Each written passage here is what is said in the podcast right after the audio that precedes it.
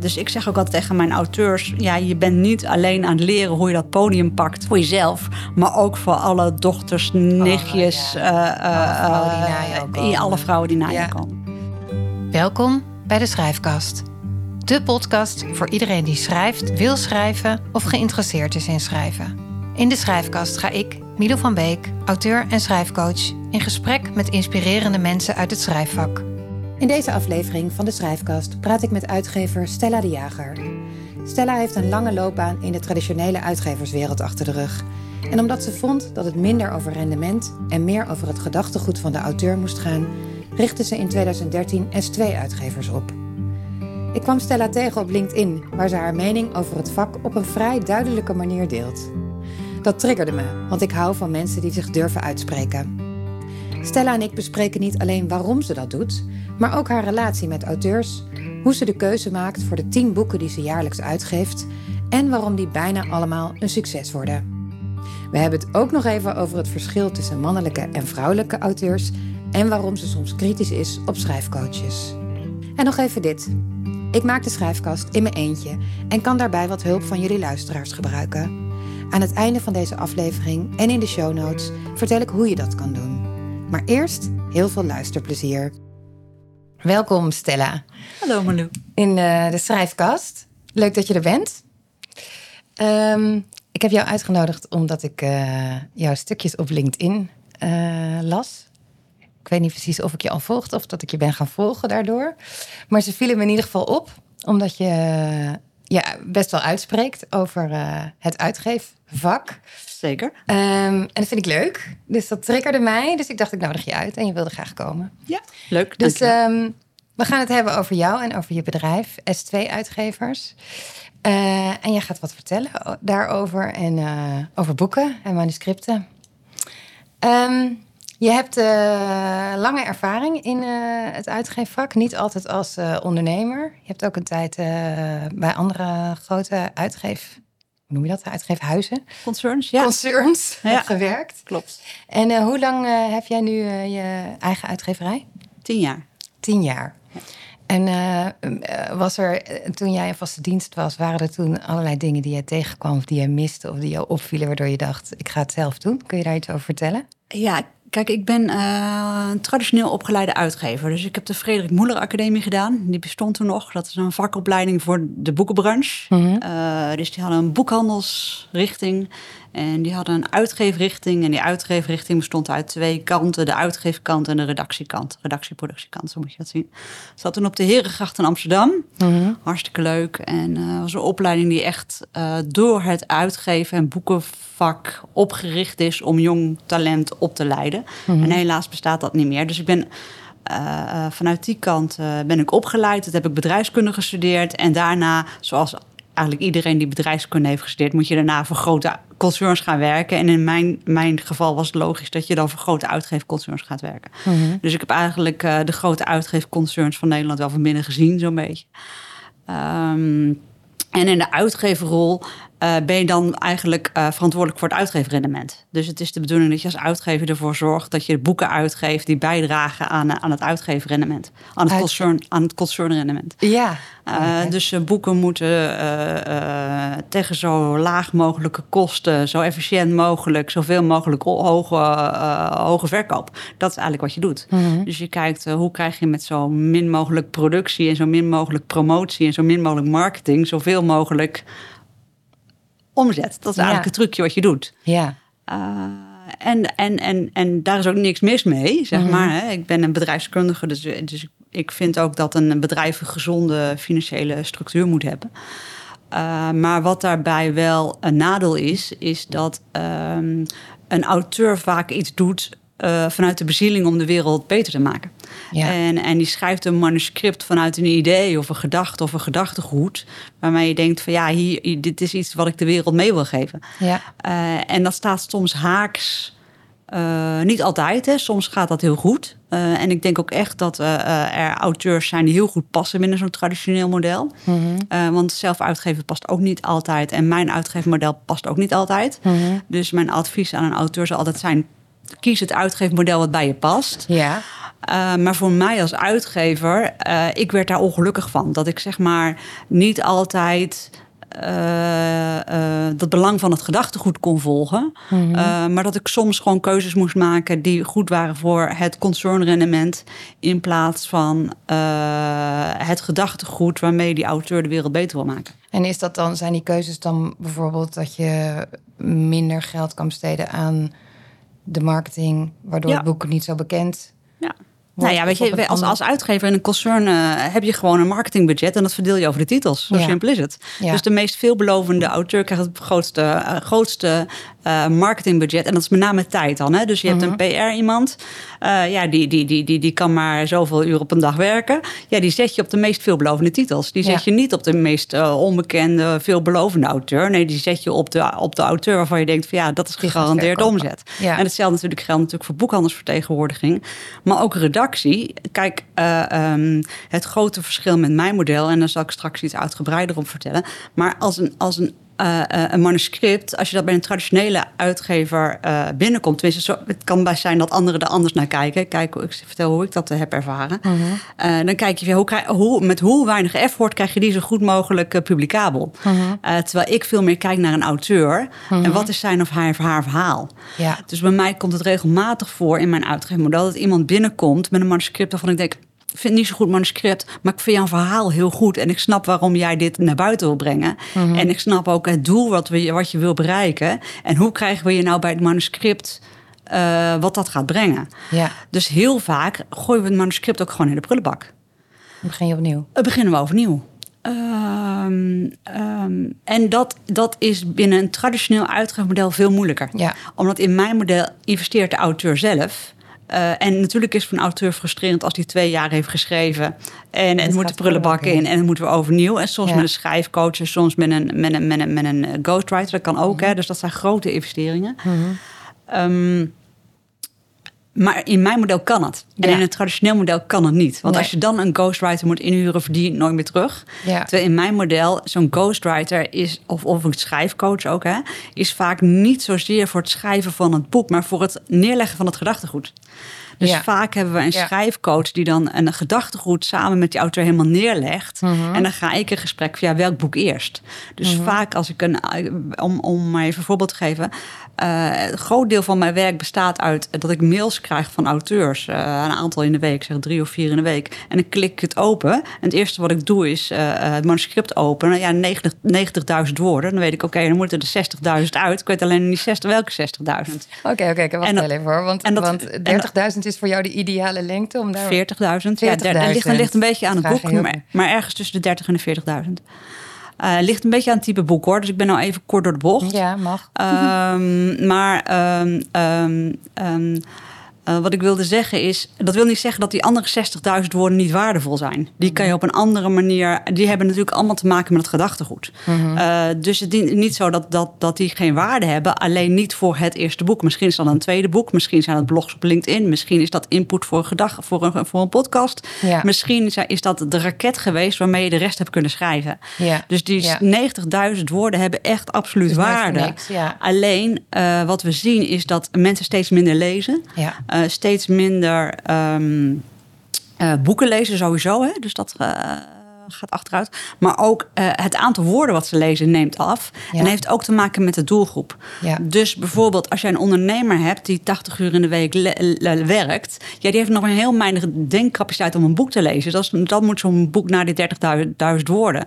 Als jij een advocaat hebt van wie het het vak is om te lezen. En die sowieso veel meer lettervreterig is, zal ik maar even Mhm. zeggen. En ook uh, uh, uh, voor zijn vak op de hoogte moet zijn. Mhm. Ja, dan kan zo'n boek prima boven de 50.000. Of een adviseur kan ook prima boven de 50.000. Ja. Maar als je zit in ondernemers, werknemers, mensen die een hele hoge werkdruk ervaren. Wat steeds meer mensen hebben tegenwoordig. Mhm. Ja, dan, dan is het dat dunne boeken beter verkopen dan dikke boeken. Ja. En dat zit niet zozeer in die twee tientjes. Hè, want die twee tientjes is natuurlijk een belachelijk bedrag voor alle kennis wat je krijgt Ja. Ja. in een boek. Maar dat zit meer in dat mensen onbewust de keuze maken: hoeveel tijd ga ik besteden aan het boek? Ik kan in die tijd kan ik geen appeltaart bakken voor mijn gezin. Ik ga een boek lezen. Ja, hoeveel tijd? En ik weet niet of, hoe dat bij jou zit, maar ik heb zo'n naast mijn bed heb ik zo'n Ja, stapel, stapel, ja. zo'n stapel die me verwijtend aankijkt. En dan Ja. denk ik, ja, kan deze nog wel bij bij de verwijtende stapel of niet? Ja. Als het dan een dun boek is, zeg ik eerder ja dan dat het een bil, een bil is van, eh van eh Ja. eh, 80.000 woorden. ja. En om nog even duidelijk te maken, jij begeleidt ehm non-fictie. Ja. Geen fictieboeken, denk Nee. ik. Eh, en ook nog specifiek gericht, denk ik, op eh, de zakelijke markt. Nou, wat ik eigenlijk altijd doe, is auteurs met een gedachtegoed. Ja, dat noemde En- je inderdaad al een paar keer. Ja, dus ik doe altijd auteurs. Dus ik geef nooit losse boeken uit. Eh, Nee. Dus er zijn boeken, die eh, auteurs die, die geven gewoon een los boek uit, omdat het hun, hun interesse heeft. Ja. Dat doe ik eigenlijk nooit. Wat ik doe is auteurs die hebben een gedachtegoed. Dus dat, dat gedachtegoed is meestal is een boek een onderdeel van een training, een opleiding, een coaching, een masterclass, een theatervoorstelling. Eh, dus, dus dat gedachtegoed wordt op meerdere manieren uit, Uitgedragen. gedragen. En het boek is één van de middelen om dat te doen. En vaak ook meerdere boeken. Dus het is niet, want ik dacht even, oh, je gaat zeggen, ik, ik ga al in zee voor meerdere boeken met mensen. Maar dat is niet Nee, per se. nee. Het is meer dat je. ja. Maar betekent dat ook dat je dan in het beginstadium, behalve het boek, al, al die andere middelen ook al bespreekt of vastlegt met mensen? Van we gaan het ook Ja. daar en daar. Oké. Ja, dus het is niet zo dat ik daar nou eh, iets over te zeggen heb, want vaak staat dat los van elkaar. Maar het is met elkaar in elkaars verlengde. En wat je ziet is dat als mensen trainingen geven, masterclasses, theatercolleges, dat het gedachtegoed veel meer Ja. doordacht is. Ja. En wat ik vaak zie is dat mensen ook een boek schrijven. Eh, eh, omdat een thema hun op dit moment persoonlijk raakt. Dus bijvoorbeeld, eh, wat ik heel veel krijg, is mensen die hebben een verlies geleden. Of hebben een ongeluk gehad. Of hebben.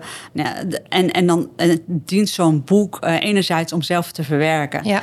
En anderzijds om mensen ook ehm, te helpen, omdat eh, het fijn is als iemand anders hetzelfde heeft meegemaakt. Ja. En dat soort Herkenning. boeken, dat soort boeken zijn Ja. echt waardevol. Ja. Alleen dat is niet mijn eh, sterke kant. Nee. Eh, dus die doe ik nooit. Nee. Omdat ik niet goed ben in dat. In dat eh, ik zit echt in boeken die eh, op een andere manier laten nadenken over hoe we met elkaar omgaan. Hoe we kijken naar werk, hoe we kijken naar leidinggevenden, hoe we kijken naar onszelf.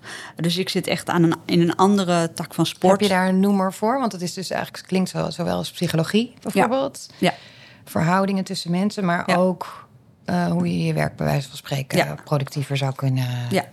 Ja, en dan zit ik altijd in een men- mensgericht uitgeven. Dus Ja. ik heb dan, dan zie je dat ik eh, dat ga eh, uitgeven. Het le- leuke aan uitgeven is natuurlijk dat je je eigen eh pad daarin ook volgt. Hè? Dus een uitgever, eh, de boeken die een uit, uitgever uitgeeft, zegt met name is over wie je bent Ja. zelf als mens. Ja. En ik heb, ben eh bedrijfskunde ja, op, ik heb Nijrode gedaan, dus bedrijfskunde opgeleid. En dan leer je heel zo'n organisatie zo efficiënt mogelijk inrichten Mhm. eh, ten behoeve van het rendement hè, in het algemeen. Mhm. En wat ik zelf heb ervaren is van ja, dat, dat rendementsdenken, Mhm. dat doet iets met onze samenleving. Eh, dus dat zorgt in mijn visie ook voor burn-outs. En Ja. ook voor, is dat ook zeg maar de aanjager achter onze klimaatproblemen. Dat alles maar zo efficiënt en zo goedkoop mogelijk eh, Ja. moet. En eh, ook de aanjager achter inkomensongelijkheid. Eh, dat er mensen aan de onderkant steeds meer afvallen en mensen aan de bovenkant steeds rijker worden. En dat die middengroep steeds meer uit elkaar getrokken wordt.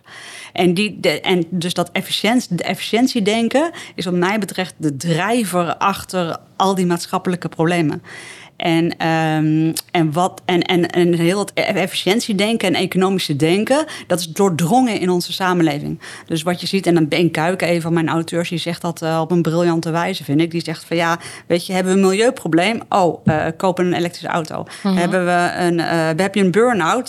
Huur een coach. Dus hij zegt, we zijn zo doordrongen van onze, we geven betekenis. Onze hele betekenisgeving is doordrongen door het economische denken. Ja. En eh, eh, dus ik denk dat dat geen oplossing is. Dus waar ik naar zoek en samen met mijn auteurs, Ja. is ja, hoe krijgen we nou op een andere manier gaan we met elkaar om en eh Dus het is wel ehm, interessant. Het is eigenlijk jouw eigen. bezieling? Ja, Ja. die eh, geef je uit. Ja, zeker. Dus Ja. ik heb altijd auteurs die hier naar zoeken. Ja. En dat is in de breedste zin des woords. Dus Ben Kuik is heel sec, hè, zingeving. Maar volgende maand eh, eh, verschijnt bij mij een eh, titel Teamenergie. Mhm. Over, ja, in, in, een, in een team is altijd een bepaalde vorm van energie. Mhm. Hoe zorg je er nou voor dat mensen elkaar vinden... en dat je dat zo'n team gaat bruisen? Eh, nou, heel belangrijk, denk ik. Ja. Uh, en dat is een andere manier dan, van kijken dan hoe krijgen we dat team zo efficiënt en effectief mogelijk. Ja, Dat is totaal iets anders. Ja. En het is nou ook iemand, uh, Kees van der Swan, die erop gepromoveerd is. Dus dat Ja. is niet zomaar iets. Ja, eh, gisteren had ik een boekpresentatie van eh, Monique eh, Schuurmans. En, en die zegt van ja, eh, eh, eh, ondernemers die doen altijd alsof alles zakelijk is. Maar dat is helemaal niet zo. Uit neurologisch onderzoek, wetenschappelijk van de MIT, blijkt dat emoties de belangrijkste drijver zijn. En we moeten juist die emoties omarmen. Eh, dus ik geef altijd titels aan bijvoorbeeld eh eh, Dr. Juriana, Juriana Galavassi. Die heeft een boek geschreven, Jij bent de liefde. Dat gaat er heel erg over van ja, eh, kies nou eens radicaal voor jezelf. Eh, en in mijn visie hebben die dingen met elkaar te maken. hè, Dat als je jezelf goed leert kennen, dan kan je dus ook beter in een organisatie eh, mensgericht met elkaar omgaan. Ja. De, maar het is allemaal een zoektocht, omdat we niet zo goed weten hoe we uit dat economische denken Nee, komen. dus daar hoop jij een steentje aan bij te dragen. Ja. Zo. En was dat al bij het begin zo, dat je deze focus had toen je startte? Nee, ik, ik had wel heel duidelijk het verlangen om die auteur weer op één te zetten. En, en uit te gaan van dat gedachtegoed. En, en minder eh, dat economisch, eh, dat zo'n boek maar zo'n hoog mogelijk oplage en zoveel mogelijk winst moet maken. Dat wilde ik loslaten. En ik wilde echt toe naar wat heeft die auteur te vertellen. En hoe kunnen we dat, op de, hoe kunnen we dat gedachtegoed zo goed mogelijk eh, onder de aandacht brengen. Ja, ja. En daarin ben ik heel erg gaan experimenteren met welk, welk model klopt daar nou in. Ja. En wat ik ontdekte is, is dat. toen heb ik dus een ander model ontda- ont- eh, ontwikkeld. waarbij de auteur zelf investeert. en zelf ook alle opbrengsten krijgt. Dus ik heb gisteren alle zelfbilling facturen eruit gestuurd. En dan de volgende maand stort ik gewoon alle omzet op de rekening van de auteur. Doe ik ieder kwartaal. Ehm, en. ehm, ehm, nu ben ik even kwijt wat ik aan het zeggen was. Ja, dat je, dat je, je startte Ja, eh, met dat... eh, dat ja, precies. En wat ik dan doe is, ik kijk dus welk gedachtegoed hoort erbij, wel- welk boek hoort bij dit gedachtegoed. Mhm. Eh, eh, en welk team kan daarbij het- de auteur het beste helpen. Maar Dus dat is in de loop der tijd dus een beetje zo sterker geworden. Ja, ja. Dus, dus wat ik doe is, eh, ik kijk naar het gedachtegoed en dan plak ik aan die auteur de juiste schrijfcoach, de juiste redacteur, de juiste vormgever, de juiste PR-mensen en marketingmensen. En, en dat zijn allemaal ZZP'ers. Ja. En wat ik on, heb ontdekt is, dan ga je anders met elkaar om. Ja. Dus, want iedere auteur moet dus ja zeggen tegen, tegen een PR-dame. Maar de PR-dame moet ook ja zeggen tegen de auteur. Dus je krijgt een andere manier van samenwerken Ja. dan in zo'n concern waar je alleen maar kijkt van oké, dit is de meest veelbelovende auteur of de meest eh, rendabele auteur. Daar zet ik de meeste PR-kracht op. Ja. En nu is het zo dat je met z'n allen kijkt, is dit het gedachtegoed wat mij aanspreekt? Heb ik een klik met de auteur? Prima, dan gaan we er vol voor. Ja, Eh, er zit en heel veel energie op dus. heel veel energie. En ook, een, een- weet je, als iemand ziek wordt, dan moeten we daar met z'n allen iets mee. Ja. Eh, de- dus, dus dit model menselijk, zeg ik ja, altijd. mooi. En jij zei net, liet net al heel even vallen van het is niet voor iedereen geschikt. Nou Nee. kan ik me voorstellen dat dat bijvoorbeeld financieel eh, Ja. een reden is dat Klopt. niet iedereen eh, mee kan doen met jou. Klopt. Kun je daar iets over vertellen? Ja, ik kijk, En ook over de andere redenen, over Ja. waarom het niet zou passen. ja, ik kijk eigenlijk naar drie dingen. Eén, heeft iemand eh, een gedachtegoed wat bij mij past... Ja. en waar ik ook voor, van, van eh, eh, enthousiast word. Mhm. Eh, daarbij is het belangrijk om te weten dat ik het niet altijd eens hoef te zijn. Eh, dus ik hoef niet eh, eh, per se eh, eh, hetzelfde politieke of, of andere spectrum te zijn. Maar ik moet wel kunnen begrijpen waarom je dit wil vertellen. Ja. Eh, dus ik ben altijd van het eh, eh, eh, veelkleurige perspectief. Hè. Je mag, ik vind het heel leuk als een auteur een anders perspectief heeft, maar ik moet wel begrijpen waarom. En maar het moet wel een beetje raken aan jouw grotere... ja, ja, maar Ja. bijvoorbeeld in de coronacrisis had ik al eh, au- auteurs die heel anders dachten over heel veel verschillende vlakken. En eh, dat vond ik ook interessant, want ik Mhm. Ja. vind dat al die meningen er mogen zijn. Ja. Ik moet wel kunnen begrijpen waar je vandaan komt en, Ja. en waarom je iets zegt. Om even, Ja. dus dat gedachtegoed moet interessant zijn. En hoe meer dat zit richting dat mensgericht organiseren. Hoe groter de kans is dat ik aanga. Eh, eh, en hoe innovatiever, hoe groter de kans dat ik aanga. Dus als je bij mij komt met een boek van ja, hoe gaan we nou zo efficiënt mogelijk onze marketing inrichten, word ik waarschijnlijk niet heel enthousiast. Ehm, dus dat is het ene, is het interessant gedachtegoed. Eh, het tweede is, is iemand ondernemend? En dat heeft natuurlijk ook te maken met investeringen. Ja. En het derde is, ehm, ehm, is iemand coachbaar? Ja. En dat is een groot verschil met self-publishing. Ik stuur ook heel veel auteurs door naar self-publishing. Ik ben ook heel blij dat er opties zijn om zelf te publiceren. Ja. Uh, want vroeger, toen ik begon als uitgever, was dat er niet. En hadden traditionele uitgevers veel te grote machtspositie, vind ik ook. Um, dus ik ben heel blij dat er heel veel uh, uh, initiatieven en platformen zijn die, die, die auteurs daarbij helpen. Mm -hmm. En sommige auteurs die weten zo ontzettend goed wat ze zelf willen. Ja. en zijn er ook zo. Um, uh, hoe zeg je dat? Die hebben gewoon heel duidelijk voor ogen: dit is wat ik wil. Ja, ja dan, dan, en dan past een self-publishing uh, beter. beter. Ja. En bij mij pas je dus als je gedachtegoed, als je duidelijk weet wat je wil zeggen in je gedachtegoed. Dus mm -hmm. ik wil altijd dat een auteur op inhoud heel goed weet mm -hmm. wat hij wil. Mm -hmm. En vervolgens op het uitgeefproces, die zegt: ja, uitgeven is niet mijn vak. Ik wil iemand aan mijn zij die mij loodst door dat uitgeefvak. Uh, en dan coach ik een auteur daarheen. Ja. Dus een auteur moet coachbaar zijn op het proces. Ja. Ja, hey, en dan, nou ja, dat gedachtegoed komen zo misschien nog even op wat je nog meer in je mailbox krijgt en wanneer je dan iemand wel ja. of niet uitnodigt voor een gesprek. Maar even, om dat maar even duidelijk te hebben, de financiën. Ja.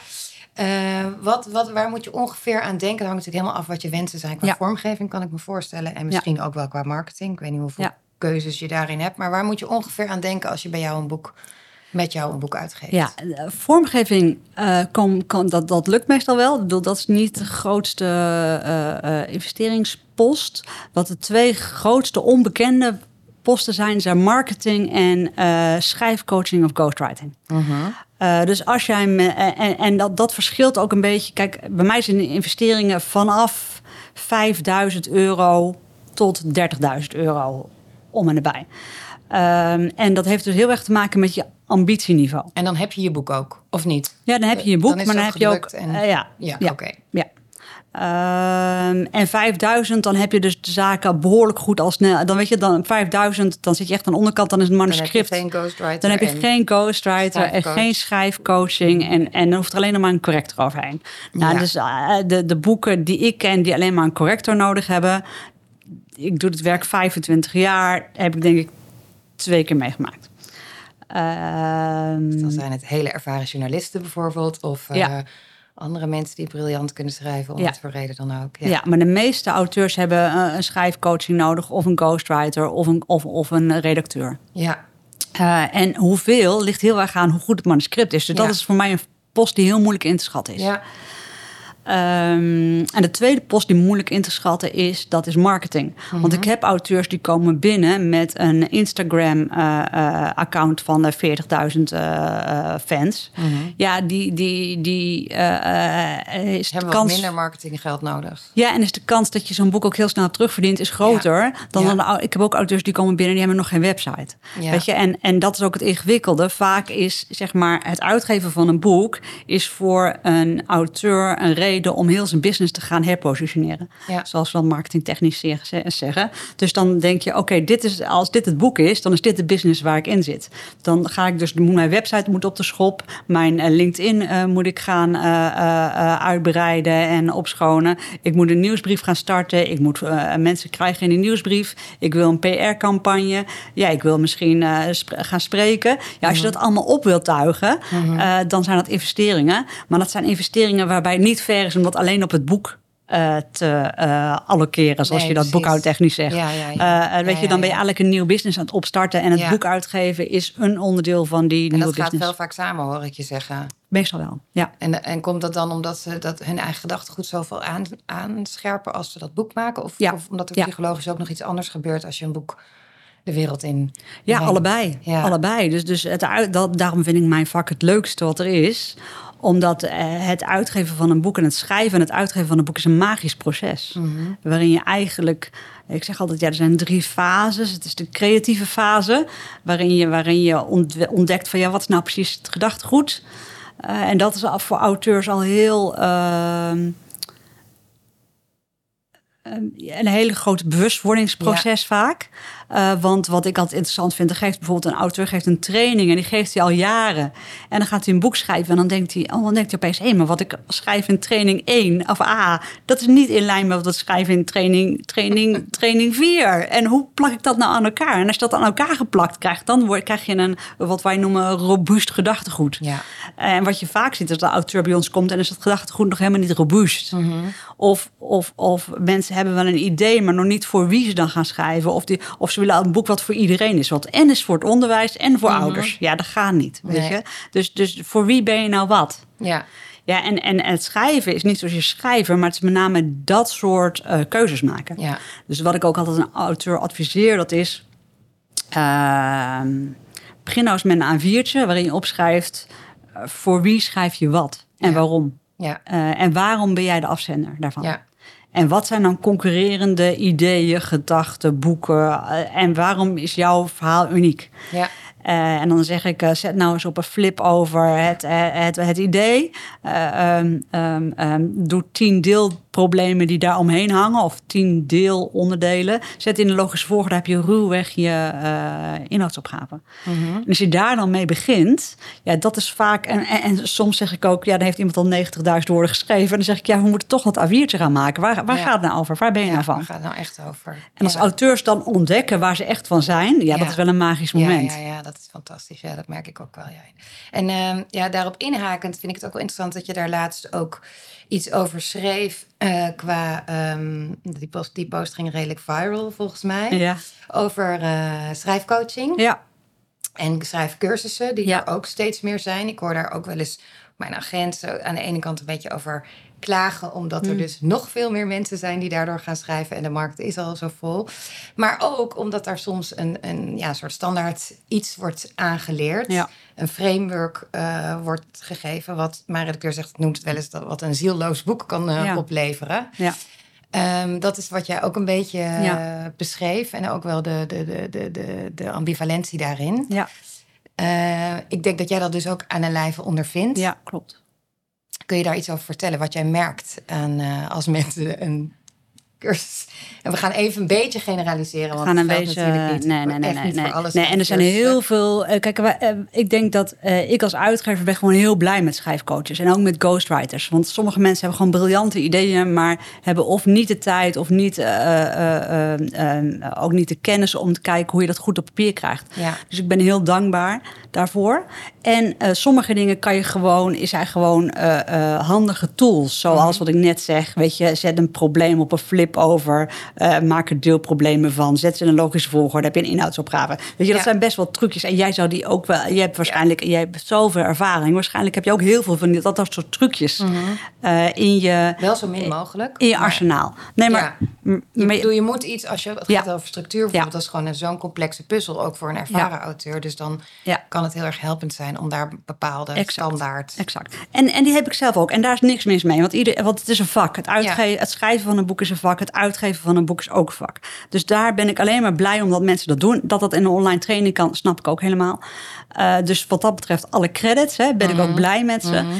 En in sommige punten, en daar was ik heel kritisch op. Kijk, ik ben er heel erg van. Het schrijven van een boek, dat is dus een, een transformerend proces. Ja. Als je dat werkelijk aangaat van Ja. wie ben ik als mens en wat heb ik hier op de wereld te brengen, is het een transformerend proces. Ja, schrijfcoaches moeten eigenlijk psychologie bijna gestudeerd hebben. Absoluut. En uitgevers ook. van, ja. En uitgevers ook. Want, want, want al je kwetsbaarheid komt Ja. op tafel. Ja. Eh, dus dat één. En twee, kijk, als, eh, wat ik net vertelde is bij die, tra- bij die traditionele uitgevers waar ik ongelukkig van werd, Mhm. is dat ik daar zit voor het uitgeefrendement. En wat ik dan zie is een aantal van die, van die ehm, eh, online schrijfcoaches eh, of schrijftrainingen, Mhm. die geven ook de claim: zo schrijf je een bestseller. Ja. Uh, Nou ja, nou, en sowieso is het, weet je, wat is een bestseller? Oh. Ja. Ik heb mensen die op een LinkedIn-profiel zetten bestseller. Dat ik kijk naar de eh, bestsellerlijst en dan denk, nou, volgens mij heb ik auteurs die meer doen en die dat er niet op zetten. Ja. Ehm, dus wat is een bestseller? Ik Uh, vind het wel en, grappig dat ik je onderbreek, maar we komen dan zo ook nog op het man- eh, man-vrouw verschil. Ja. Maar ik, ik kreeg nu de vierde druk in een half jaar. Dus toen zei, belde mijn uitgever en toen zei ze... Ja, nu mag je echt zeggen dat het een bestseller is. Ik zei, hè? Maar je mag toch met dit aantal, dat is toch, dat is toch echt ver boven de 10.000? Zij zei, nee hoor, vier druk in een half jaar. En zij zei ook, er zijn mensen die al... Het verschilt heel erg per auteur, zei ze. En per uitgever. mensen het een, Ja. ja. een, Ja. een bestseller... Ik dacht, oh ja, het is ook zo... eh ja. Dus, dus, die. Ja. En, en wat ik ook jammer vind is, zeg maar, ehm, dan gaat het om een trucje. Hè? Ja. Terwijl wat mij betreft eh, eh, zou... Kijk, en ik ben helemaal voor dat boeken goed verkopen. Mhm. Maar boeken moeten volgens mij... Ik wil graag boeken uitgeven die impact hebben Mhm. op onze samenleving. Dus ik denk dat als we als, als wereld anders willen gaan denken... Hè, Mhm. en we weten allemaal niet hoe... maar dat er dingen anders moeten op het gebied van burn-out... of, of, of klimaat of inkomensongelijkheid. Er moeten echt dingen anders, denk ik. Mhm. En daarvoor moeten we anders denken. En, en, eh, en ik wil graag boeken uitgeven die die impact hebben... Ja. Eh, en, en natuurlijk is het dan zo dat als je een boek hebt wat goed verkoopt, heeft het dus veel impact. Mhm. Ehm, en dat is fijn. Maar het, belangrijk, het doel moet zijn de impact. Ja, dus en, en, en, en, die, en het- doel moet zijn die impact. En die bestseller moet zeg maar het meetmoment zijn. Oh, we hebben impact. Ja. Of de PR moet zijn. Oh, we hebben impact. Eh, en het, als, als het doel is bestseller, Ja. dan ben ik niet jou- jouw uitgever. Dan Nee. ben ik niet jouw uitgever. Nee. En, ehm, en eh, dus dat, dat is waar ik kritisch op ben. Ja. Eh, en ik vind ook dat met die claim eh, legt zoveel duizend euro neer voor een online training en daarna heb je het bestseller, doe je eigenlijk auteurs en uitgevers, het doe je ook mee tekort, Mhm. vind ik. Ja. En prima als er mensen zijn die er gewoon in zitten voor het geld, hè? Mhm. Ja, dat kan. Maar, Maar, dat ook is niet, omdat je niet dus eigenlijk zo voorbij gaat aan dat hele transformerende proces. Ja, ja. Want dat bereik je gewoon eigenlijk Ja. simpelweg niet in een online training. Dan Ja. moet je wel van... Ja, en, wa- en wat dat soort trainingen vaak zeggen is... begin met het schrijven van een flaptekst. Ja. Want dit verkoopt, dit schat in de markt, dit verkoopt. En dan lo- loodsen je er doorheen. doorheen. Terwijl wat ik vaak zie is... en dat is ook mijn type boek. Hè. Ik heb, eh, ik heb va- eh, eh, vaak auteurs die echt bezig zijn met vernieuwend gedachtegoed. Hoe gaan we nou in de wereld om met elkaar? Ehm, ehm, ehm, ja, dat, dan, dan, dan moet je dus gewoon... dan is, dan is het niet... Ik, je hebt flaptekst, hier schrijf ik het op. Mhm. Want dat zijn vaak ook inhoud... die gewoon vertaald is uit Amerika. Of, of weet je, dat, dat is mm, geen vernieuwende inhoud. Mhm. Maar als je echt iets nieuws wil neerleggen in onze samenleving... is schrijven, is onder de douche gaan staan. eh, eh, Ja. Gaan wandelen. Ja. Gaan praten met mensen die jou inspireren. Eh, ik heb allemaal auteurs die, die, die zijn alleen maar aan het praten en aan het zoeken van... ja, ik zit iets op het... Ik ben, Ja. iets, be- ik ben iets bezig. En dat fascineert me. En als we dit... ehm, ehm, ik zit even te denken aan een thema, maar ik weet niet of ik dat al hardop mag zeggen.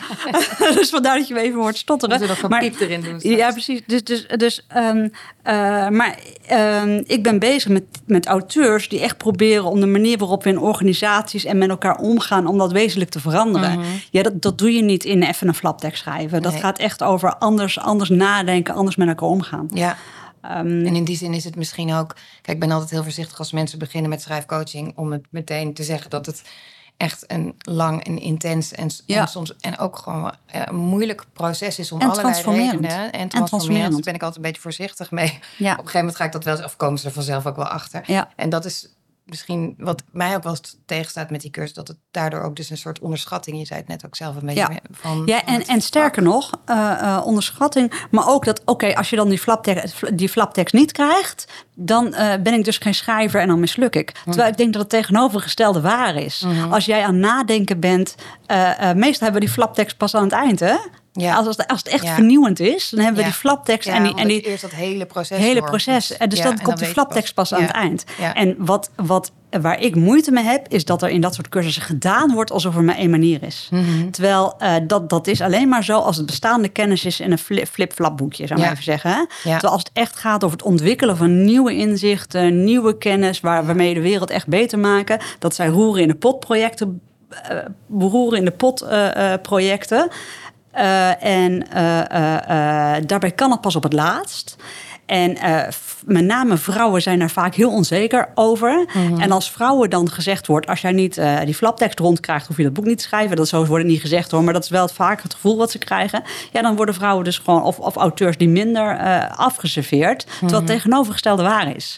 Juist mensen die durven na te denken... en zichzelf in vragen durven te stellen... en iets zien wat andere mensen niet zien... en een nieuw perspectief durven te bieden... ook al weet je nog niet precies waar het over gaat... dat zijn de mensen die we een boek moeten laten schrijven. Ja. Mooi. Want daar schreef je ook iets over, mannen, vrouwen. Dat, Ja, ja. dat is ook wel interessant. Ik herken dat ook heel erg. Dat er eh, heel veel vrouwen, of eigenlijk bijna alle vrouwen die ik ook in coaching krijg. Dus ik ben benieuwd of, of het bij jou ook zo, zo, zo zwart-wit bijna is. Die zich maar blijven afvragen, is het wel interessant genoeg? En er zijn al zoveel boeken geschreven. Wie ben ik om? En dat ik dat ook uh, zelden, echt generaliserend gezien, zijn de mannen die aankloppen, die hebben wij spreken het marketingplan al klaar. En die moeten nog beginnen aan de inhoud.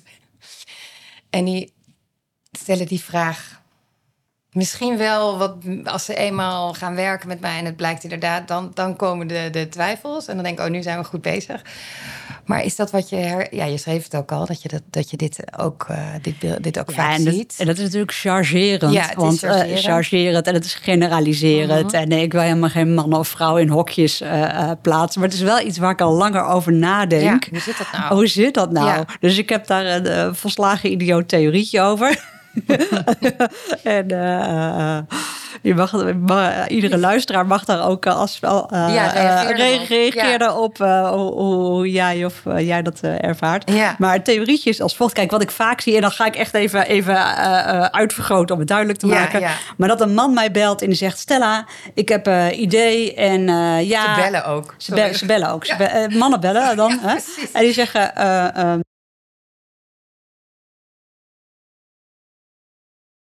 Uh, Stella, ik heb een idee en ik wil best tegen jou vertellen wat dat idee is, want dit is echt een bestseller. Maar dan wil ik eerst dat jij presenteert hoe jij mij gaat lanceren in, Amer oh. in Amerika. Ja, dat is hoe een man, man pitcht. en uh, hoe een vrouw pitcht, dat is, die stuurt mij een mail. Uh, die mail is altijd foutloos en perfect. Dan ja. krijg ik ook een manuscript wat foutloos en, perfect is. Ja. En dan uh, uh, zet ze in die mail, zegt ze... ja, ik heb een ideetje en misschien is het wat. Ik weet het zelf eigenlijk ook niet helemaal. Ja, ik weet ook niet wie hierop zit te wachten. Maar ik dacht van ja, weet je... niet geschoten is altijd mis, maar dus ik stuur het je maar. Ja. Dat is ongeveer... en, en je hoeft eigenlijk niet te reageren. En zo, hè? ja. dus, dus, en dat, dat verschil, dat fascineerde ja. me. Dus daar heb ik een soort theorie over. En de theorie is dat. Um, en dan dat is natuurlijk, en dan betrek ik het volledig op mezelf. Mm -hmm. Maar dat uh, heel veel vrouwen opgroeien met een rolmodel van een moeder die zich heeft opgeofferd. Ja. En dat heel veel mannen opgroeien met een rolmodel van een man die podium pakt. Mhm. Mm -hmm. Dus de meeste mannen hebben wel ergens een oom, vader, opa. Uh, van iemand die gewoon uh, zegt: Dit is waarvoor ik ben, dit is wat ik kom doen en hier sta ik. Ja. Uh, en vrouwen hebben dat veel minder. Ja. dus ik zeg ook altijd tegen mijn auteurs: Ja, je bent niet alleen aan het leren hoe je dat podium pakt voor jezelf, maar ook voor alle dochters, nichtjes, oh, ja. uh, alle vrouwen die na alle vrouwen die ja. je komen. Ja. Want uh, jij, jij ziet dat in het schrijfproces. Ik zie dat nog veel meer in de fase die erna komt. Want daarna heb je het productieproces. Daar zijn vrouwen ook vaak veel. Nou, dat heb ik natuurlijk zelf nu. Ik heb nu vier boeken uitgegeven. Het is de hel. Ja, en dan, dan, ja. en dan, ja, dat is grappig dat je dat zegt. Dat is, dat is de hel. Dus dan, dan, dan manifesteer je echt. Hè? Ja, verschrikkelijk. Uh, en, en, en, doden. Ja, en dan, um, uh, en dan daarna moet het boek, kom je in de verkoopfase. En dan moet zo'n vrouw, en dan moet zo'n vrouw het, het, het, het, het zeepkistje op, zou maar zeggen. Ja. En met name vrouwen. Ik heb ook met de deal met, met vrouwelijke auteurs. Het grappige is, die heb ik alleen met vrouwelijke auteurs. En dat realiseer ik me nu ik het zeg, maar nooit met mannelijke. Ik heb de deal met vrouwelijke auteurs. Je mag me 24 uur per dag bellen. Ja, en appen. Zondag, zondag ook. Ja, dat, ja, soms doen ze dat. Want, want, want vrouwen die hebben gewoon veel meer moeite om het podium te pakken. En uh, ik weet één vrouwelijke auteur, die heeft uh, uh, echt een briljant verhaal. En het was ook echt geschikt voor Nieuwsuur en alle, alle televisiezenders. En, um, en, het, en bij televisie is het met name heel moeilijk om in die kaartenbak te komen. Als je maar in die kaartenbak zit, dan, mm -hmm. dan bellen ze je de hele tijd. Ja. En uh, één vrouwelijke auteur die kon het heel goed. En ik weet gewoon, in de televisiewereld is het zo... dat als mannen gebeld worden, komen ze altijd. En vrouwen gaan dan zeggen... ja, uh, weet ik weet het niet of ik hier genoeg van, van verstand van heb. Ja. Uh, de kinderen moeten naar school. Vrouwen gaan duiken, zeg maar. Ja. Dus met die auteur heb ik gezegd... is ja, we gaan met ons hele PR-team vol jou als, als autoriteit op dit vlak neerzetten. Eén deal, als Jinek jou belt voor jouw recept voor appeltaart... dan ga je er naartoe en dan vertel je je recept voor appeltaart... En dat is wat we afgesproken hebben. Ja. En dus ik heb haar. Uh, en ook de PR-mensen hoor, alle eer aan de PR-mensen. Maar die, die, die waren op haar vakantie waren ze aan het appen en aan het bellen om haar overal te krijgen. En ze heeft overal ja op gezegd en het is gelukt. Ja, dat is het heel gaaf. Ja. Uh, maar, maar, maar dus om succes te hebben, uh, moet een auteur dus en inhoudelijk die kant kunnen pakken. Ja. Uh, en ook dat podium kunnen pakken. Ja. En wat ik zie is dat eigenlijk weinig auteurs zijn die dat van nature altijd kunnen. Ja. Dus ergens ga je tegen je belemmering aanlopen. Dus zo'n boek uitgeven is eigenlijk ook een gratis. eh, persoonlijk ontwikkeltraject. Ja. Want ik maak altijd een grap. Ik zeg, ja, in de psycholoog, eh, bij als je met een psycholoog, met een coach gaan praten, dan kan je ze alles wijsmaken. Mhm. Maar ik zie aan de achterkant wat je doet. Ja, Ik zie aan de achterkant of de inhoud van jouw manuscript klopt. Ik zie aan de achterkant of jij dat podium pakt of niet. Ja. Dus in zo'n uitgeefproces... om daden dan. Ja, in een uitgeefproces is er niks om je te verschuilen. Nee. Dus zo'n zo'n band tussen uitgever en auteur is ook heel intiem. Ja. Ik denk ook met schrijfcoach ook hele intieme band. Ik ben altijd heel dankbaar dat een auteur zichzelf zo laat zien en Mhm. zo dat, vertrou- dat je dat vertrouwen krijgt. Dus mijn advies zal altijd aan iedere auteur zijn: kies voor een uitgever en een schrijfcoach waarbij gewoon op intuïtie en op gevoel, Ja. waarbij jij, jij de beste klik hebt. Ja. Want het is, het is echt een huwelijk. Het Ja. is echt een huwelijk. En, en zo voel ik dat ook. Ja, En dat vind ik ook, en dat is ook de reden waarom ik in dit model als een vis in het water ben. Want hier, hier kloppen die financiële stromingen en kan ik ook in die band, zeg maar. Terwijl ehm, in zo'n uitgeefconcern werd ik ongelukkig, want dan, dan voelde ik die eh, hele vertrouwelijke band met die auteur. En ik was er eigenlijk voor het uitgeefconcern en het uitgeefrendement. En daardoor werd ik uit uit elkaar getrokken. ja, Dus het zegt heel veel over mij, ik weet, dat, dat ik daar niet tegen kan. ja. En er zijn natuurlijk heel veel hele goede traditionele uitgevers die dat wel heel goed kunnen. hè. Dus, dus ik zeg altijd, kies de, het uitgeefmodel en ook de uitgever die bij je past. Ja. Want het is zo'n, eh, zo'n, als je dat goed aangaat, is het echt het mooiste proces wat er is. Ja, ja. Maar het betekent ook hiervoor kiezen dat jij natuurlijk niet 300 auteurs in een jaar kan begeleiden. Nee, tien. 10 per jaar. Ja. En je hard werkt vijf wel. mailtjes per week, zei je? Ja, niet vijf per week, maar ik, eh, eh, ik krijg drie mailtjes per week. Eh, en dan ga ik met eh één, eh, één van hen in gesprek, zeg maar. Ik krijg natuurlijk ook heel veel mails van mensen die, weet je, dat is ook mijn volgende advies. Wat ik altijd zeg is: ga naar een grote bibliotheek of naar een grote boekhandel. Kijk op welke plank jouw boek zou staan en benader alleen de uitgevers van die plank. Want ik krijg, ik krijg ook mensen die hebben een thriller geschreven of een kookboek of een kinderboek. Ja, dat doe ik allemaal niet, hè? Dus, dus dan ben ik heel. Doe even dat- je research Doe even je research. Eh, Ja. Kijk ook wat een auteur, wat een uitgever graag wil horen. Eh, willen ze een heel manuscript? Willen ze één hoofdstuk? willen ze alleen wat- wil, een jij, plan? wil jij 90.000 woorden mailbox? Ik heb het liefst een plan. Ja. Want dan kan ik het snelste inschatten, passen we bij elkaar. ja. En waar moet zo'n plan dan aan voldoen? En hoe lang mag het zijn? Ja. Eén A4'tje? Nee, weet je, eh één à viertje, dat is een beetje optimistisch. Meestal worden het wel twee of drie. Ehm, maar het geeft bij mij al heel snel weer waar zit, de, waar zit zeg maar, de uitdaging voor deze auteur. Is de doelgroep iedereen? Is het, is het idee uniek genoeg? Kan zijn auteur zichzelf goed verkopen? Eh, en, en, en het gaat me er niet om dat ik dan iemand daarop afwijs, maar wel dat ik kan voelen van oké, eh, eh, hier zit, als we echt samen dat, dat, dat, dat- die, die samenleving willen veranderen, transformeren, dan is dit de uitdaging. En dan kan ik in een telefoongesprek kan ik voelen, is iemand hier coachbaar op? Ja. Eh, en als iemand coachbaar is, dan ga ik het doen natuurlijk, want dan Ja. vind ik het ook leuk. Ja. Maar als ik al voel van ja, hier is het gesprek niet over mogelijk, ja, dan, dan ben je beter af bij een traditionele uitgever of zelfpublishing. Ja. En eh, eh, tien per jaar. Ja. Dus dan ben je echt heel streng in de selectie. Ja, en dat doe ik natuurlijk ook eens fout. Ik heb, ik heb het laatste managementboek van het jaar heb ik afgewezen. Oh ja. Ja, het doet pijn. Ja. dus, dus weet je, het is, eh, ik doe ook, ik, ik doe natuurlijk, en dat wil ik ook zeggen, weet je, eh, als een uitgever jouw boek afwijst, dat zegt niks over de kwaliteit van je manuscript. Nee. Eh, dus, dus eh, want dat zegt heel veel over welke genre zit zo'n uitgever, welke, eh, ehm, ehm, ehm, ehm, welke inschatting maakt zo'n uitgever. Kijk, die, die, dat managementboek van het jaar, toen was ik heel druk met eh eh Julian Galavassi, wat voor mij een enorm groot project is. Want 19 weken in de bestseller top, eh, top 60, dat was voor mij een mega project. Eh, dus toen kwam dat manuscript en ik had gewoon, gewoon, gewoon niet genoeg tijd en aandacht. Nee. Dus toen heb ik ze doorgestuurd naar een collega-uitgever. Die heeft uitgegeven met het Ja. boek van het jaar. Ja, toen baalde ik natuurlijk als een stekker. Ik ben Ja. nog steeds misselijk ervan. Ja. Maar, maar soms, dus dat, dat is goed voor je als oud- Weet je, zo'n boek, uit, zo'n boek schrijven is zo'n persoonlijk proces. En, en auteurs vereenzelvigen zich dan ook mee. Mhm. Dus als je dan afgewezen door, voelt door een uitgever, dan voel je je persoonlijk afgewezen. Ja. En het is goed om je te realiseren als auteur dat aan de achterkant bij een auteur is het bij een uitgever is het ook Ja, gewoon dit soort processen. Hè? ja. Is het ook gewoon van joh, ik heb er al tien. Als En- ik een elfde wil, hoe moet ik dat gaan, gaan organiseren? Kan ik jou wel de aandacht geven die, die, die, die je verdient? Eh, eh, ik heb een ander groot project. Ik heb gewoon een slechte dag, weet je? Eh, dit, dat speelt ook allemaal mee. En veran- is het bij jou ook veranderd nu er simpelweg meer druk is op de boekenmarkt, de Ja. lezing, Ja, steeds meer auteurs. Eigenlijk Ja. steeds minder evenwicht is in die markt. Ja. Dus dan ben word je dan strenger nog? Eh, nou, het, het, ehm, ja, je bevraagt me nou iets, op iets waar ik nog, niet, waar ik nog over na aan denken ben. Dus ehm, eh, kijk, wat wij zien is dat boeken steeds mi- minder grote oplages hebben. Dus wat toen ik begon een, eh, een redelijke seller was, is nu een bestseller.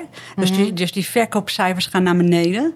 Eh, en ik zei net dat ik erin zit voor het maatschappelijk belang. Hè? En dat is ook zo. Maar ik ben bedrijfskundige genoeg om te zeggen dat er wel een gezonde financiële flow moet zijn. Ja. Zowel voor de auteur als voor mij. Ja. En dat wordt dus steeds moeilijker. Ja. En dan is het verleidelijk om steeds meer titels uit te gaan geven. Ja. Maar dan ga je ze steeds slechter uitgeven. Dat doen volgens mij uitgevers, veel ja. uitgevers. Ja, en dat wil ik niet. Nee, nee. Dus eh, wat ik aan het doen ben, is. eh, ehm, ehm, ik wil minder auteurs doen en dan meer gedachtegoed. Mhm.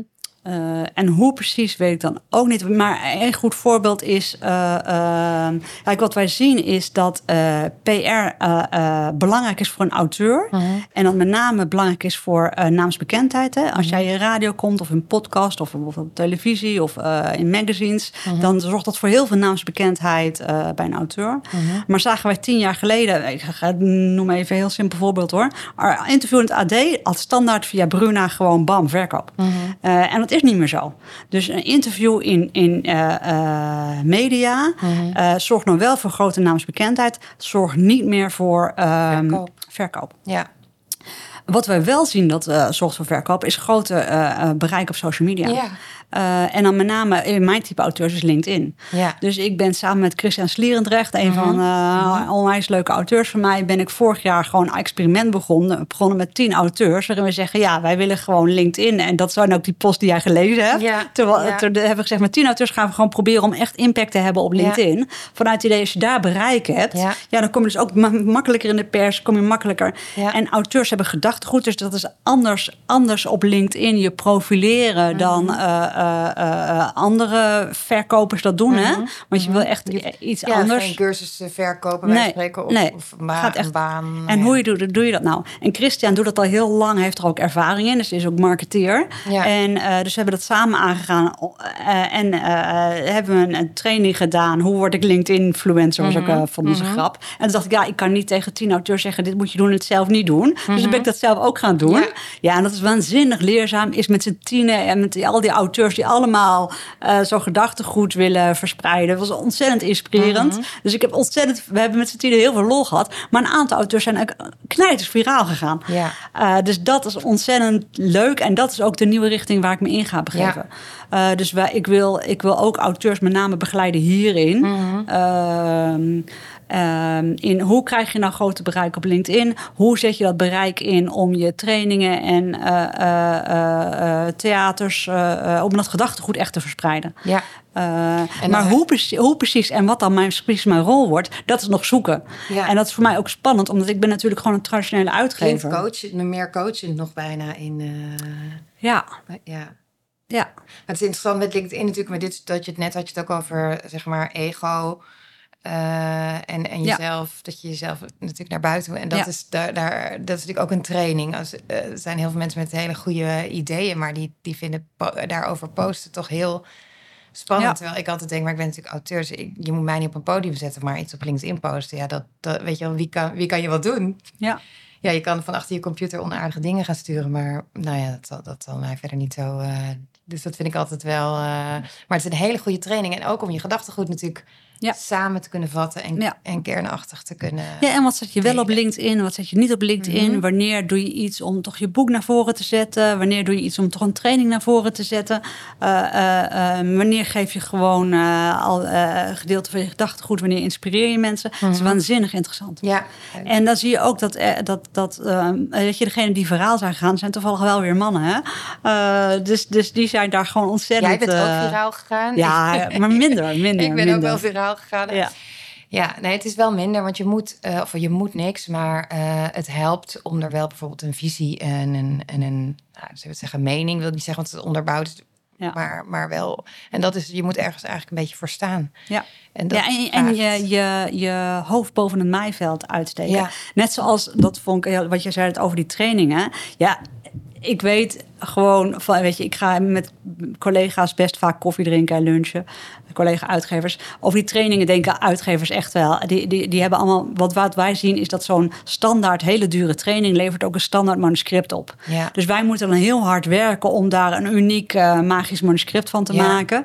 Eh, en wat er dan vaak gebeurt, is dat het een suc- succes wordt. Dat dan zo'n trainer zegt, ja, dit is het succes. En wij weten dan hoe hard er aan de achterkant gewerkt is om dat Ja. manuscript. Dus dat, Ja. dat, dat zorgt bij, bij irritatie Ja. bij mij en ook bij collega-uitgevers. Alleen in onze beroepsgroep gaan we dat soort dingen niet hardop Nee. zeggen.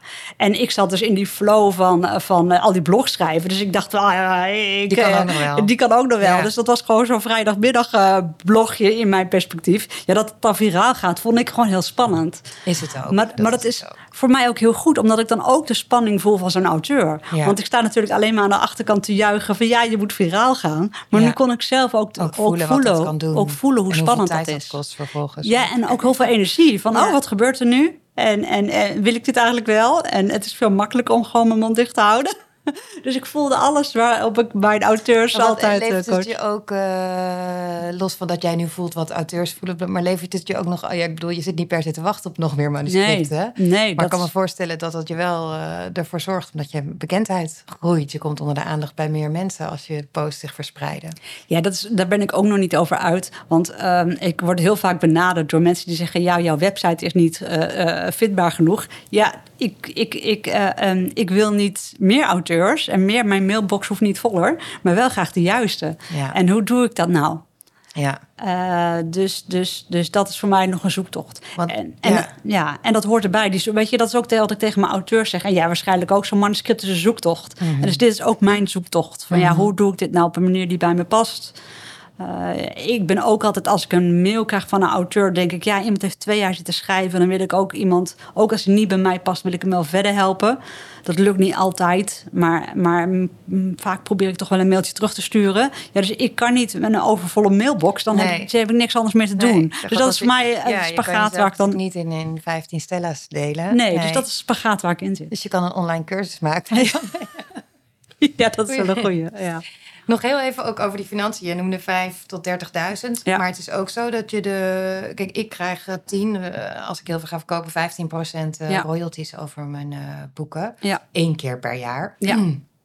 Qua cashflow eh, is dat eh, Ja. niet het beste model. Jij doet Nee. het anders. Jullie delen. Is het echt 50-50 dan? Nee, het is helemaal niet 50-50. Alles is voor de auteur. Ik krijg betaald op wat jij aan, aan royalties krijgt een traditioneel, krijg ik, aan, krijg ik als commissie. Ja. Ehm, dus ik krijg eh, commissie over de verkopen van het boek. Ik krijg Mhm. ook pas betaald als eh, het boek verkoopt. En wat ik één keer per kwartaal doe, is de, het geld wordt gestort vanuit het Centraal Boekhuis. Dan trek ik daar de logistieke kosten van af. En daar trek ik dan mijn commissie van af. En dat stort ik gewoon automatisch door op de rekening van de auteur. Dus de auteur krijgt ieder kwartaal Oh, ja. gewoon de omzet van het boek, minus Ja. de kosten, bam op zijn rekening. Ja. En natuurlijk heeft hij dan geïnvesteerd in de productie van het boek en in de marketing. Maar ik heb ook titels die al tien jaar verkopen. Eh, dus Ja. dan zijn al die eh, investeringen zijn echt wel terugverdiend. Ja. Dus dat is ook de reden waarom ik selecteer op ondernemerschap. je, moet, je moet eens een boek durven ondernemen. En die eerste oplage is vaak dan naar het draaien break-even. Eh, ligt ook een beetje aan hoeveel je geïnvesteerd hebt alle in. Weet je, eh, een boekpresentatie bijvoorbeeld. Ja, daar verkoop je geen boek meer mee. Maar het is wel een middel om heel je netwerk te activeren. Ja. Als als een auteur een heel nieuw gedachtegoed in de markt zet... met allemaal trainingen, opleidingen, masterclasses... ja, dan kan het wel heel zin- zinvol zijn om een hele grote boekpresentatie te doen. Mhm. Want dan heb je heel je netwerk weer geactiveerd... en enthousiast voor jouw nieuwe, nieuwe Misschien gaan zij ook wat over schrijven. Precies. Ja. Dus, dus, dus, dus het kan heel zinvol zijn voor je business, maar niet voor de verkoop van je boek. Want die Ja. mensen die komen, kopen het boek toch wel. Ja. Dus, dus, Ja. dus dan is het, eh, weet je, dus dan heb je, ik weet niet hoeveel besteed. eh, ik, heb, ik heb boekpresentaties in het Rijksmuseum en eh, noem, noem maar op. Ja, dat ga je niet terugverdienen met de verkopen van je boek, maar dat ga je wel op een andere manier terugverdienen. Ja. Ehm, dus, en maar vaak is het zo dat die eerste oplage, dan verdien je de productiekosten terug. En die tweede oplage gaat zo'n boek echt renderen. Ja, Mhm. Ja. als je in een oplage 10 zit, ja, dan is zo'n boek echt wel rendabel. Maar verdient iedereen het terug? Nee. Nee. Maar wat ik wel zie is dat, ehm, en daar selecteer ik nu mijn auteurs op. Ik heb auteurs die zeggen, ja, dat boek verkoopt helemaal niet heel goed. Maar ik hoef nooit meer een acquisitiegesprek te voeren. Ja. Want als ik uitgenodigd word, weten mensen waarvoor wij komen. Ja. Eh, dat zijn auteurs die hele complexe adviestrajecten doen. Ja. Ja, dat zijn geen, geen boeken met hoge oplages. Maar als iemand, als een potentiële klant zo'n boek heeft gelezen en je wordt. Eh, vroeger moesten ze dan tijdens een acquisitiegesprek verkopen waarvoor ze komen. Nu is het, ik heb het boek gelezen. eh, ehm, Je hebt meteen duidelijk gemaakt wat je doet, waar je voor staat. ja. dus dan verkoopt zo'n boek, of of dan eh, rendeert zo'n boek ook, maar op een andere manier. Ja. En dat is ook waar dat A4'tje voor is. Waarvoor wil je een boek? Weet je, ik heb ook boeken uitgegeven die hadden alleen maar als doel om in de pers te komen. Dan gaat zo'n boek niet een bestseller worden. Nee. Maar dan, eh, als jij overal in de pers komt, ja, dan krijg je wel een totaal andere statuur en word je voor hele andere eh, eh, klussen gevraagd. Ook op heel ander niveau. Eh, maar dan moet het wel een ander boek zijn. Eh, eh, en dat is ook, weet je, een bestseller is niet altijd het beste doel voor een boek. Als jij als doel hebt van ja, ik wil de, de eh, stap maken van trainer naar gevraagd worden door eh, eh, ministers om advies te geven, eh, ja, dan moet je zo'n ander type boek schrijven dan, dan dat je, nou ja, weet je, dus je hebt Dus dat doel heel goed nadenken over... Ja. Het is wel grappig, want je zegt eigenlijk van... we gaan niet de hele bestseller toestand... dat vinden we allemaal niet zo interessant. Nee. Maar je moet wel eh, nadenken over wat je met het boek... Het gaat niet alleen maar Ja. over dat je vanuit binnen... het- een gedachtegoed hebt Ja. wat je met de wereld wil delen. Ja, Je moet ook wel echt nadenken over wat je doel. grotere doel is. van je gedachtegoed. ja. ja. Ja, en dat is ook vaak waar zeg maar. ehm, eh, ja, ik werk heel vaak, gra- vaak en graag samen met schrijfcoaches. Maar hier zie je dat er soms verschil Mhm. Ja. van inzicht bestaat. Omdat zo'n schrijfcoach heeft dan heel erg zijn best gedaan om zo'n gedachtegoed helemaal uit te serveren. Hè? En dat is ook nodig. Eh, maar de eerste vraag die ik stel is: wat is je doel? Ja. En als, als, als het doel is dan, ja, ik wil eh, in de pers komen, ja, dan, moet het, dan, dan plukken we dus die elementen uit zo'n, uit zo'n manuscript die daarvoor gunstig zijn. Ja. Eh, en dat wil niet zeggen dat wat er ligt niet goed is, Mhm. maar het is dan niet coherent met het doel wat dan samengesteld is. Ja. En niet iedere schrijfcoach doet dat. Wij, wij, ik weet ook nog niet hoe jij dat doet. Maar sommige schrijfcoaches zeggen ja, het moet helemaal. er mogen geen spelfouten meer in zitten. Ja, dan heeft boeit auteur. Nee, dus dan heeft de auteur, maar dat gebeurt wel. Dan heeft de auteur heel veel geïnvesteerd in alle spelfouten eruit krijgen. Terwijl ik zet het helemaal op zijn kop. Ja, Ja. dan zijn al die spelfouten zijn allemaal, allemaal voor niks geweest. Dus dat is jammer. Eh, dus vaak heb ik ook dat, eh, dat ik dat. eh, meestal is het ook zo dat ik met een schrijf, als ik zeg van ja. Eh, je werkt, werk je met een schrijfcoach. Laat mij dan even bellen met die schrijfcoach. Ja. Want dan weten we met z'n, twee- met z'n allen waar dat doel is. Ja. En het kan best zijn dat in het proces dat doel verandert. Ja. Maar laat, laat ons dan ook aangehaakt blijven allemaal bij dat ene doel. Nou, het is wel interessant dat, eh, dat ik relatief veel tijd besteed aan het naar boven halen van dat, waar het nou echt om gaat. Wat het echt het verhaal is, wat echt naar buiten moet. Ja. Ehm, en vervolgens ook met hoe maak je nou dat persoonlijk, want dat is dan vaak toch een persoonlijke drijfveer, hoe maak je die ook universeel? En Ja. daar zit dan, Ja. ja. ik heb ook wel veel persoonlijke verhalen, dus daar is niet zozeer het doel om daar nou zakelijk, Nee. maar ik probeer. En daar zit natuurlijk vaak ook een enorm spanningsveld op. eh, tussen die combinatie, in mijn geval dan van het persoonlijke. En hoe Ja. maak je dat nou universeel? Hoe maak je dat nou toepasbaar op eh, of wat voor model, of wat voor theorie, of wat, wat, Ja. wat stop je daarin? Want, zou, want ik ben zelf heel erg voorstander van ook de, de, dat, je, dat je persoonlijke verhalen in je, als het een zaak is, dat je daar een persoonlijk verhaal ook eh, aan kan Ja. koppelen. Is dat Nee. iets wat je deelt, of, of zeg je van nee, dat vind ik echt helemaal niet interessant? Het mag ook een heel theoretisch boek zijn. Ja, daar kom ik zo op terug. Maar eigenlijk is jouw rol eigenlijk het neerleggen van het gedachtegoed. Ja, En mijn rol is dan, ja. en mijn rol is dan, als dit het gedachtegoed is, hoe trek je daar het boek uit? ja, En eh, waar het misgaat is als, als zeg maar, je de claim legt met schrijfcoach maak ik een bestseller. Weet je, dat, dat, dat, dat, en, en eh, als een auteur maar weet van ja, ik investeer nou in, een, in, het, in, het, in het naar boven krijgen van mijn gedachtegoed. Mhm. En daarna kijken we met een uitgever hoe krijgen we daar een boek mee. Als, als die verwachtingen mee helder zijn, dan, gaat die, dan gaat het eigenlijk altijd Mhm. ja. goed. En ik leer ze ook wel schrijven. Dus ik Ja, heb tuurlijk. maar dat gereedschapskisten, je Tuurlijk. leert op allerlei manieren Ja. hoe je dat verhaal kan vertellen. Maar Ja. ja, dus dan heb je de. En dat eh, eh, persoonlijke verhaal, ja, dat verschilt heel erg per boek. Ik vind altijd wel dat het dienend moet zijn aan het grotere belang. Ja. Dus eh, het is prima als. kijk, ik zit, er zijn ook au- auteurs die zitten in de ego-documenten, noem ik hem even. hè, die, die, die, die, die, en dat zijn met name. Ja, ik hoor, het is niet zo'n hele aardige podcast voor mannen, dit. Maar, maar, wat ik, erg. maar wat ik heel vaak meemaak is dat het mannen zijn die met pensioen zijn. En dan vinden dat alles wat ze mee hebben gemaakt nog even in het boek moet. Hè? ja, en dan zit eigenlijk geen enkele universele les in.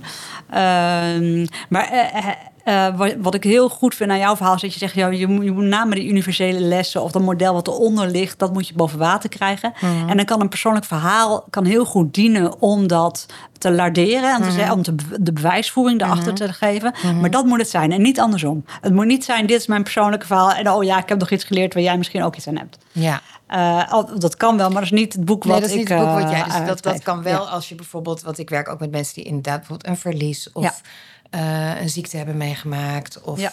uh, soms in hun verleden iets hebben meegemaakt waar, waarvan ze inderdaad uh, willen dat dat voor hun eigen verwerking, maar ook Ja. omdat andere mensen daar iets in kunnen herkennen of iets aan En daar zijn andere uitgevers heel, heel goed in. Ja, maar niet, ik Precies, niet. maar Ik dat niet. is inderdaad, dus als je praat over bij jou, bij wijze van spreken, je, je bent niet voor de bestseller, maar je vindt, jouw boeken komen wel over het algemeen, ik denk als je tien boeken uitgeeft, je zei net drie staan er nu in de longlist van de managementboek. Ik denk dat je elk jaar wel een aantal boeken daar in ieder geval op de longlist hebt staan. Ja, dus dat is misschien wel, ook ja. niet een doel, maar wel, Ja, het is natuurlijk wel gaaf. ja, iets Daar ben ik ook heel je- trots op. Ja, Ja, precies. Ja, en ook op de shortlist. Ja, Ja. dus daar ben ik natuurlijk aan het zien. En, best verkochte managementboek ook, eh, ja, 2019. Dus daar ben ik onwijs trots op. Dus dat is wel Ehm, een soort van, nou ja, doel, maar iets. Ja, ja. eh, en, en die beste dat op 60 is natuurlijk ook waanzinnig gaaf. Maar ehm, ehm, dus, dus eh, dat type boek waarbij je dat persoonlijke verhaal vertelt, dat is echt een andere type uitgever. Er zijn ook andere uitgevers. Ik denk dat Cosmos daar, die, je krijgt volgens mij ook iemand voor Cosmos, daar is Cosmos Mhm. heel goed in. Mhm. Is niet mijn ding. Maar bijvoorbeeld, ik heb ook een boek uitgegeven van een dame die eh, woonde samen met een man. Die man overlijdt, maar hij heeft twee kinderen en opeens had zij de zorg voor twee kinderen, waar ze, terwijl ze juridisch niks te zeggen had en niet over het geld en ook niet over de kinderen.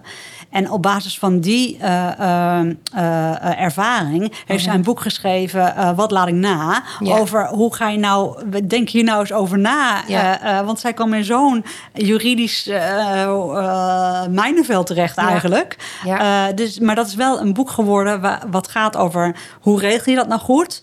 Waarbij haar eigen ervaring de aanleiding was. En, eh, eh, eh, maar wel larderend aan het boek. Dus het boek Ja. was echt wel een hulpboek. Hoe ga je hier goed mee om? Ja, en uiteindelijk is het natuurlijk toch vaak ook, ook als het gaat om iets meer theoretisch van model, de bron, dat zit Ja. toch Ja. ergens in jezelf. Zeker. En je ziet ook dat in de pers dit, dit soort Ja, verhalen het heel goed doet. Dus dat, dat is veel makkelijker dan een theoretisch model in de pers krijgen. Ja. Hey, tot slot, zou je zelf eens een keer een boek willen schrijven? Och jee. Eh, natuurlijk, Bijvoorbeeld over hoe schrijf je nou boek? ja, dat, dat manuscript, ligt- Ja. dat is natuurlijk een gewetensvraag. Dat manuscript ligt natuurlijk klaar. Ja. Eh, Nu nog een uitgever. Ik heb nog een uitgever nodig en een schrijfcoach. Ja, Nee, dus ik vind schrijven heel leuk. Ehm, dus ik schrijf ook graag. Eh, en eh, eh, misschien dat het boek er ooit nog komt. Maar ik, ik, ik loop daar in, in, Ik ben net een mens. Ja, ik heb exact dezelfde eh, eh, eh, belemmeringen daarin dan als ieder andere auteur. ja. Dat is ook interessant hè, hoe anders het dan toch ook weer is om, Zeker. eh, om het zelf te doen dan Zeker. te begeleiden. Ja, Oké, hey, hartstikke bedankt voor je Graag gedaan. verhaal. vond het leuk om er te zijn. Dankjewel voor het luisteren naar de Schrijfkast. In de show notes vind je de links naar de website en de socials van Stella en van mij. Wil je geen aflevering van de Schrijfkast missen? Abonneer je dan even. Op Apple Podcast kan je dat doen door op de drie puntjes in de rechterbovenhoek van je scherm te tikken en op volg programma te klikken. Op Spotify kan dit door op de volgbutton te klikken. Ik ben ook heel blij als je een review over de Schrijfkast wil achterlaten of iets over deze podcast deelt op social media. Vind je de schrijfkast leuk en interessant? Dan wil ik je nog iets vragen. Neem eens een kijkje op mijn Petje Af pagina. Ik maak deze podcast zonder steun of subsidie en voor een klein bedrag per maand kun je mij financieel steunen zodat ik nieuwe afleveringen kan blijven maken. Je vindt ook deze link in de show notes. Tot de volgende keer.